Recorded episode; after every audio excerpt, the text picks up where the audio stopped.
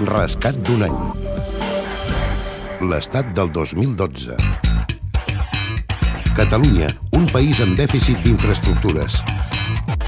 Reprogramar les inversions a Catalunya és un dels sis eixos de la tercera onada de retallades del govern de Convergència i Unió. L'executiu d'Artur Mas assegura que no té més marge perquè el govern espanyol ha deixat de pagar l'últim any 1.500 milions d'euros. Vull recordar una cosa.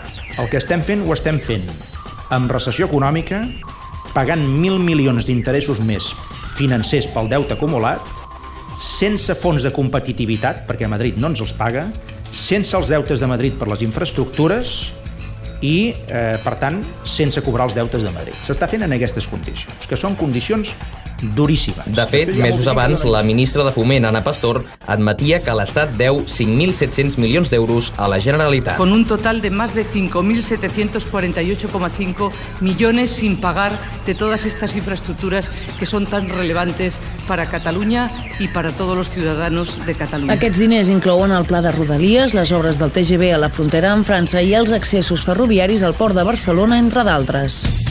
Precisament el Port de Barcelona ha inaugurat aquest setembre una nova terminal de contenidors que no podrà funcionar a tot rendiment perquè els accessos ferroviaris al nou moll no estan enllestits. Ens ho explicava in situ la Montse Sánchez. Quan el rei ha arribat a la nova terminal del Port de Barcelona a les 7 de la tarda, s'ha trobat que no hi havia cap representant de la Generalitat entre les autoritats que el rebien.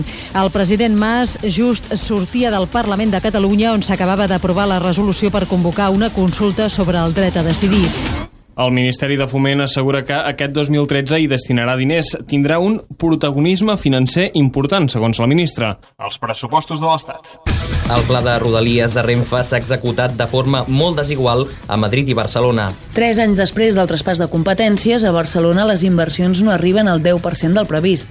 A Madrid, en canvi, el govern espanyol està complint amb el pla de 5.000 milions d'euros. I al corredor mediterrani, la connexió amb Europa continua sent només una aspiració. La ministra Pastora assegura que és una prioritat, però la Generalitat manté que no s'ho creurà fins que comencin les obres. Una altra reivindicació històrica és el desdoblament de la Nacional 2 a les comarques de Girona. Aquest setembre la via rebia un nou revés. Jordi Xuclat, diputat gironí de Convergència i Unió. I ara ha amputat el tram Massanet-Tordera, que vol dir no fer una autovia per connectar amb més d'una cinquena part del conglomerat dels ciutadans de les comarques gironines. Foment rebutja el desdoblament de la Nacional 2 entre Tordera i Massanet.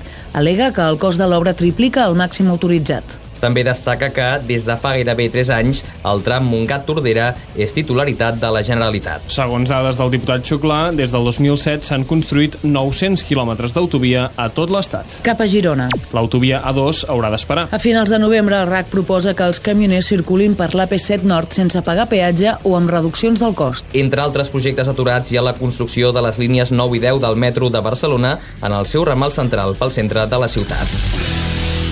De moment no tenen data.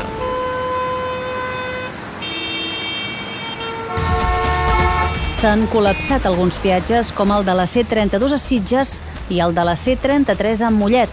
Anem primer al peatge de Mollet, a la Llagosta, i hi tenim l'Oriol Mondejar. Al peatge de Mollet, la Llagosta, l'autopista C33, la protesta ciutadana no vull pagar s'ha fet sentir a partir d'un quart d'una d'aquest matí. A més, centenars de catalans han protestat pel nombre de peatges a les carreteres catalanes i el seu cost pel ciutadà.